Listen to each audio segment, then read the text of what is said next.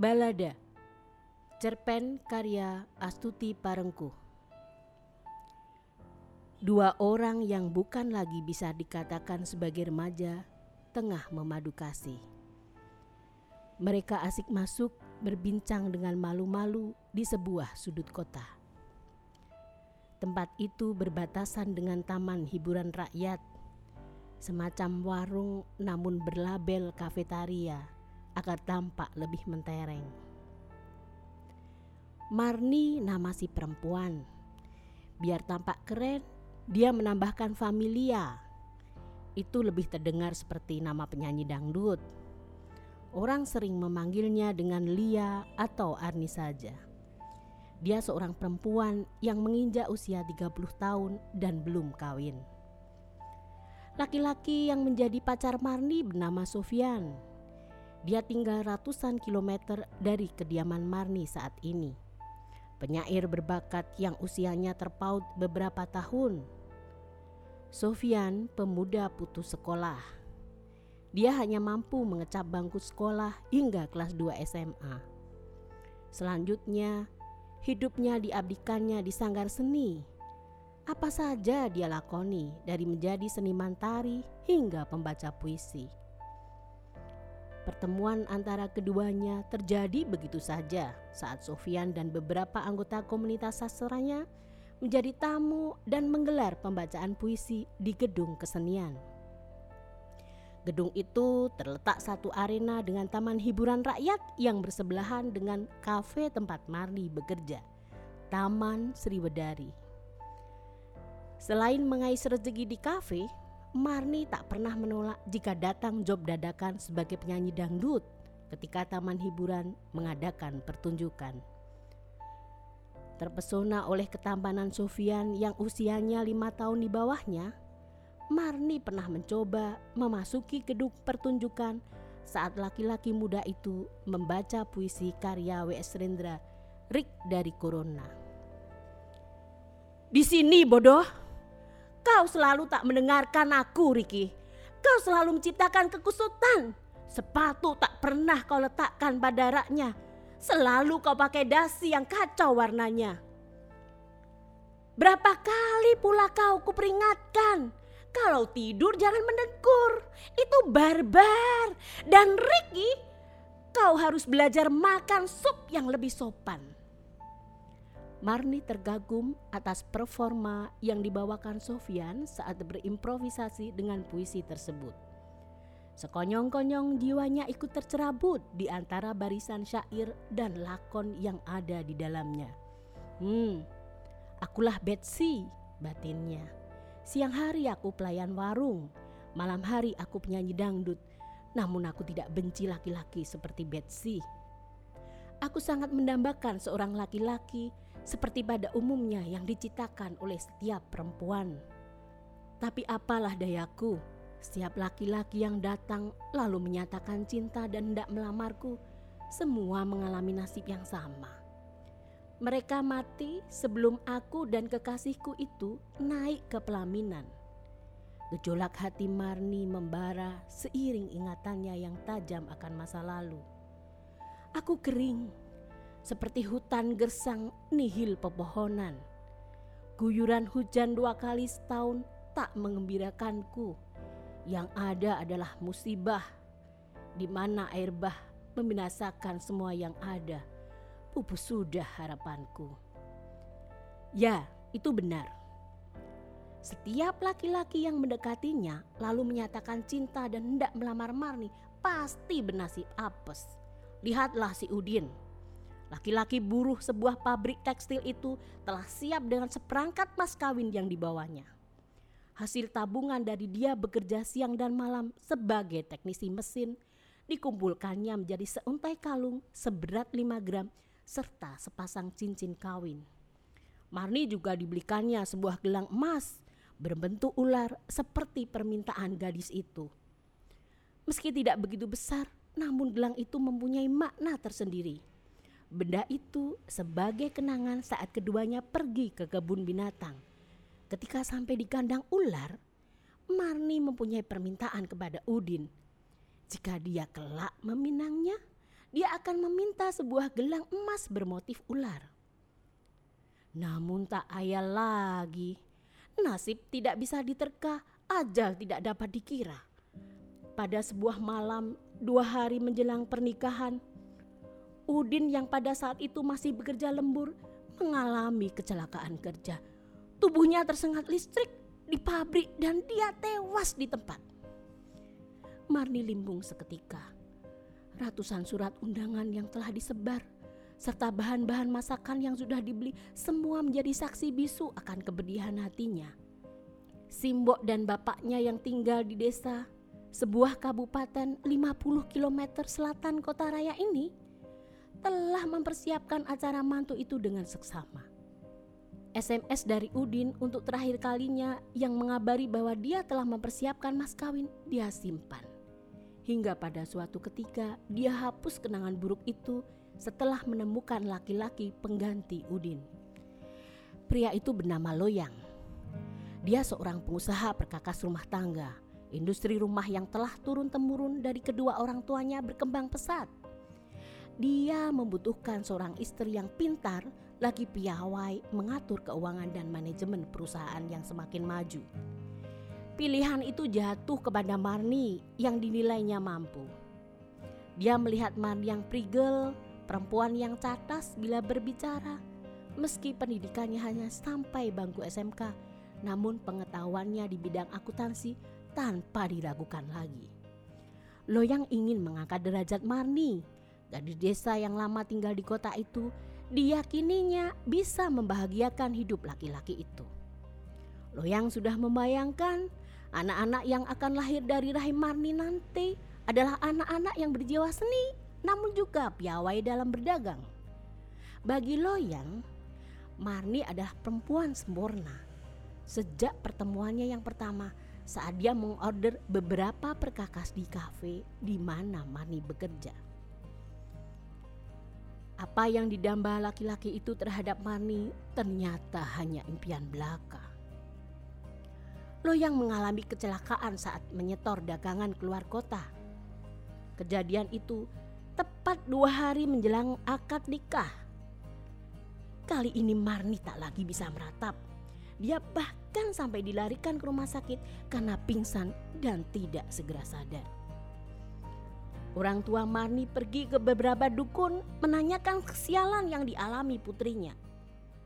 Beberapa orang tua yang ditemui mereka mengatakan bahwa barangkali Marni mempunyai bahu lawean berupa tanda tai lalat yang ada sejak lahir dan terletak di pundak perempuan itu. Itu tidak bagus. Perempuan yang mempunyai bau lawean akan membawa keburukan dalam hidupnya. Laki-laki yang akan menjadikannya istri pasti mati mengalami musibah. Begitu kata dukun yang ditemui oleh orang tua Marni. Marni tidak percaya begitu saja apa yang dikatakan oleh simboknya tatkala menjenguk anak itu di kota. Simbok yang tidak tahu sama sekali tentang budaya Jawa juga tidak mengira kalau toh atau tanda lahir yang ada di pundak Marni mengandung unsur magis. Marni sudah tahu bahwa ada sesuatu yang lain di bahunya. Dulu dia tidak berpikir yang aneh-aneh sampai kemudian simboknya pulang, dia bercermin. Dilihatnya lagi tanda lahir itu dengan seksama dan dia percaya jika itulah yang membawa kesialan dalam hidupnya. Lalu dia pergi, dia datangi laki-laki yang membuka lapak tato di dekat taman hiburan. Dirinya minta ditato Tepat pada tanda lahir itu, sekuntum mawar merah menghias pundak Marni. Dua bulan semenjak hubungannya dengan laki-laki ketiga, Sofyan, Marni semakin mantap bahwa dia akan segera naik ke pelaminan. Laki-laki yang tinggal lebih dari 100 kilo dari kotanya itu minggu lalu telah menyatakan pinangannya. Dua minggu sebelumnya, Sofian telah beranjang sana kepada keluarga Marni di desa. Rupanya bukan hanya kebaikan hati gadis itu yang membuat terpikat, namun keramahan kedua orang tua Marnilah yang membuatnya nyaman. tanya itu. Sofyan yang doyan makan, lidahnya juga tak begitu asing dengan makanan yang disajikan keluarga itu. Oh, ini toh yang namanya oseng-oseng pak? Tanya Sofyan kepada ayah Marni asli kelahiran Wonogiri. Betul nak, mungkin di Wonosobo tempat nak Sofyan disebut tumis lombok? Tanya ayah Marni. Silahkan dicicipi tempe gorengnya juga, kata Simbok kemudian. Sofyan melirik Marni sambil berbisik juga. Kenapa tempenya nggak pakai kemul? Marni menjawab dengan lirih. Besok aku masakin tempe yang berselimut. Jangan khawatir. Setelah kedatangan Sofyan ke desa Marni, maka sekarang giliran gadis itu bersilaturahmi ke rumah lelaki idamannya. Kau bawakan aku besengek ya, masakan seperti yang aku makan saat ke desamu dulu. Pinta Sofyan kepada kekasih hatinya. Mas, aku masih di Solo. Tak mungkin pulang dulu hanya untuk mencarikan besengek untukmu. Jawab Marni dengan manja. Bisa kau bawakan untukku makanan itu. Besok saat kau datang kemari. Sejenak Marni berpikir, tak mungkin dia pulang ke Wonogiri dalam seminggu ini karena dia telah bertelanjur memenuhi undangan menyanyi di sebuah perhelatan. Dia teringat ada sebuah tempat yang akan menggiringnya untuk menemukan makanan itu. Tempat itu adalah sebuah pasar yang terletak di lingkungan stasiun tua stasiun kota yang sekarang fungsinya hanya sebagai lalu lintas kereta dari desanya menuju kota yang dia diami. Selain kereta yang tidak setiap hari ada, stasiun itu juga difungsikan sebagai stasiun kereta tamasya. Kereta reguler yang beroperasi di hari Minggu saja dan melayani rute dalam kota. Kereta uap peninggalan zaman Belanda yang disulap menjadi kereta wisata. Keesokan harinya, Marni pergi ke stasiun tua dengan mengendarai sepeda. Sengaja dia tidak bermotor. Dia akan berfoto di depan stasiun dan foto itu akan diuploadnya di Facebook miliknya. Supaya Sofian yakin bahwa dia telah berusaha keras demi mendapatkan besengek, makanan baru yang menjadi kesukaan laki-laki itu. Aku tak menemukan seorang pedagang pun di siang hari ini. Mereka telah pulang atau berkeliling kampung. Lewat seorang tukang parkir, aku disuruh kembali tiga hari lagi. Aku akan lingkari kalenderku nanti seperti aku memberi penanda pada saat menstruasi. Bunyi SMS itu teramat panjang hingga perlu dua kali pengiriman. Maaf merepotkanmu, kata Sofyan. Tapa, tapa, demi kamu. Marni sudah menghitung waktu. Jika dia dari terminal menuju kota kekasihnya itu akan memerlukan waktu 4 sampai 5 jam. Tentu makanan pesanan yang dia bawa tak akan basi. Tiga hari kemudian Tibalah dia di stasiun tua. Dia membeli beberapa makanan pesanan Sofyan seperti yang dimaui kekasihnya itu. Aku juga telah siapkan makanan lezat untukmu di sini. Tahu miongklok dan pastinya tempe kemul. Kamu menginap ya? Nanti bisa tidur di kamar emak, kata Sofyan. Kedatangan Marni disambut gembira oleh emak dan bapak emak yang selalu dibanggakan dalam setiap cerita Sofyan. Namun apalah daya, perempuan paruh baya itu akhirnya menemukan sebuah tato mawar di bau gadis itu. Tak pelak. Emak langsung berbisik-bisik kepada Sofyan saat anak dan Inang itu sedang di dapur. Emak tidak suka punya mantu bertato, Sof. Kata emak lirih. Marni sudah berbicara panjang, Emak. Tidak ada yang mesti dikhawatirkan. Gambar itu bisa dihilangkan, bukan? Kata emak lagi setelah mendengar cerita Sofyan. Emak gusar, dia tak percaya tahayul. Maklum saja, emak berasal dari lingkungan pesantren yang jauh dari tahayul dan klenek. Keluarga besar emak tinggal di Kalibeber, kecamatan Mojo Tengah. Di sana berdiri sebuah pesantren yang telah ada sejak ratusan tahun sebelumnya. Mbah Kiai Muntoha merupakan cikal bakal pendiri pesantren Asyariyah adalah pengikut pangeran di Ponegoro. Tenang mak, tenang. Nanti kalau Marni pulang ke Solo, aku sekalian ajak dia ke tukang tato untuk menghilangkan mawar merah itu. Jawab Sofian menenangkan biungnya. Seperti yang dijanjikannya kepada emak, Sofian benar-benar membawa Marni ke tukang tato untuk menghilangkan gambar mawar merah itu dua hari menjelang pernikahan dan dia telah menyiapkan segala ubur rampe lamaran serta mas kawin yang telah dipersiapkan sebulan sebelumnya. Aku akan pulang dulu ke Wonosobo. Dua hari lagi aku dan keluargaku akan datang ke rumahmu, kata Sofian kepada calon pengantinnya. Tidak, tidak, Mas tidak boleh balik ke desa. Mas harus tetap tinggal di sini sampai hari pernikahan kita. Teriak Marni seperti kesetanan.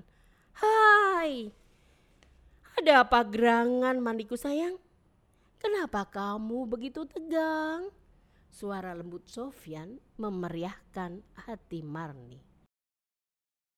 Kamu tahu bukan? Kamu tahu bukan?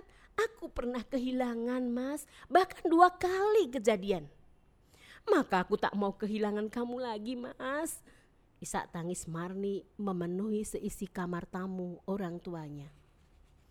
Nak Sofian bisa tinggal di rumah Bude. Simbok menyela. Perkataan halus dari seorang perempuan parubaya itu mengisyaratkan satu keharusan yang tidak mungkin dia tolak. Sofian mengangguk pelan tanda setuju. Sejurus kemudian dia keluar rumah untuk menelepon keluarganya yang tinggal di Wonosobo. Tak sampai 15 menit dia sudah masuk lagi dan berbicara dengan bapak. Bapak manggut-manggut. Iya bu, Inje, saya akan tinggal di rumah Bude sampai hari pernikahan nanti. Segala sesuatu yang telah saya persiapkan akan dibawa oleh salah satu keluarga dua hari lagi. Kalimatnya panjang. Subuh yang mempesona seperti gairah seorang perawan desa yang membawa klenting sejenis periuk khusus tempat air kini hanya bisa ditemui pada lukisan-lukisan yang berbicara tentang humaniora serta pohon-pohonan hijau. Subuh yang hening tiba-tiba saja riuh oleh hiruk pikuk suara orang-orang yang menjerit dan mengaduh kesakitan. Setelah terdengar bunyi dentuman teramat keras, maka orang-orang yang masih terlelap keluar rumah. Rumah Bude kebakaran dan itu disebabkan oleh tabung gas LPG 3 kilo yang meledak.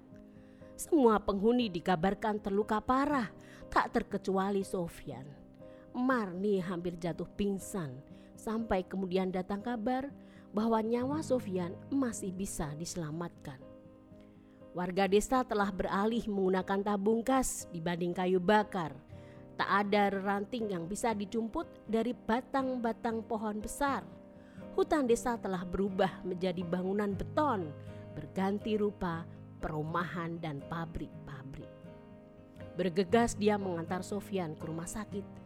Dipandanginya pemuda itu dengan mata nanar. Kamu harus hidup, kamu harus hidup, kamu harus hidup mas. Teriaknya dengan suara parau. Sofian yang tengah memperjuangkan rasa sakit yang teramat parah karena luka bakar itu berusaha untuk tersenyum di hadapan kekasihnya. Kamu ingat puisi yang aku baca saat pertemuan kita, Mani? Kata laki-laki itu dengan pelan. Tahu, tahu banget, Mas. Rek dari corona bukan? Iya, iya, iya, betul, betul sekali. Maukah kau berjanji untuk membacakanku lagi nanti mas? Kata Marni. Pasti, pasti, pasti sayang. Kita akan membaca berdua. Aku telah mempersiapkan semalam untukmu. Kata laki-laki itu sambil mengeluarkan secari kertas dari saku celananya yang basah karena siraman air. Rupanya dia telah kehabisan cairan. Untung mobil ambulan segera sampai di ruang UGD. Pertolongan pertama segera diberikan. Sementara Marni membuka kertas yang diberikan oleh calon suaminya. Rick dari Corona telah di sini. Ya, ya. Betsy, engkau di mana? Ricky sayang, aku di sini. Ya, ya, engkau hitam. Engkau bukan Betsy. Engkau macan negro dari Harlem. Pegang pinggulku, rasakan betapa lunak dan penuhnya. Namaku Betsy. Ya, ya. Gadisku selalu menjawab dengan sabar segala pertanyaanku yang bodoh dan sangsi. Kutipan puisi Rick dari Corona diambil dari kumpulan puisi Blues untuk Boni, Rendra 1976, Pustaka Jaya, cetakan kedua, Jakarta.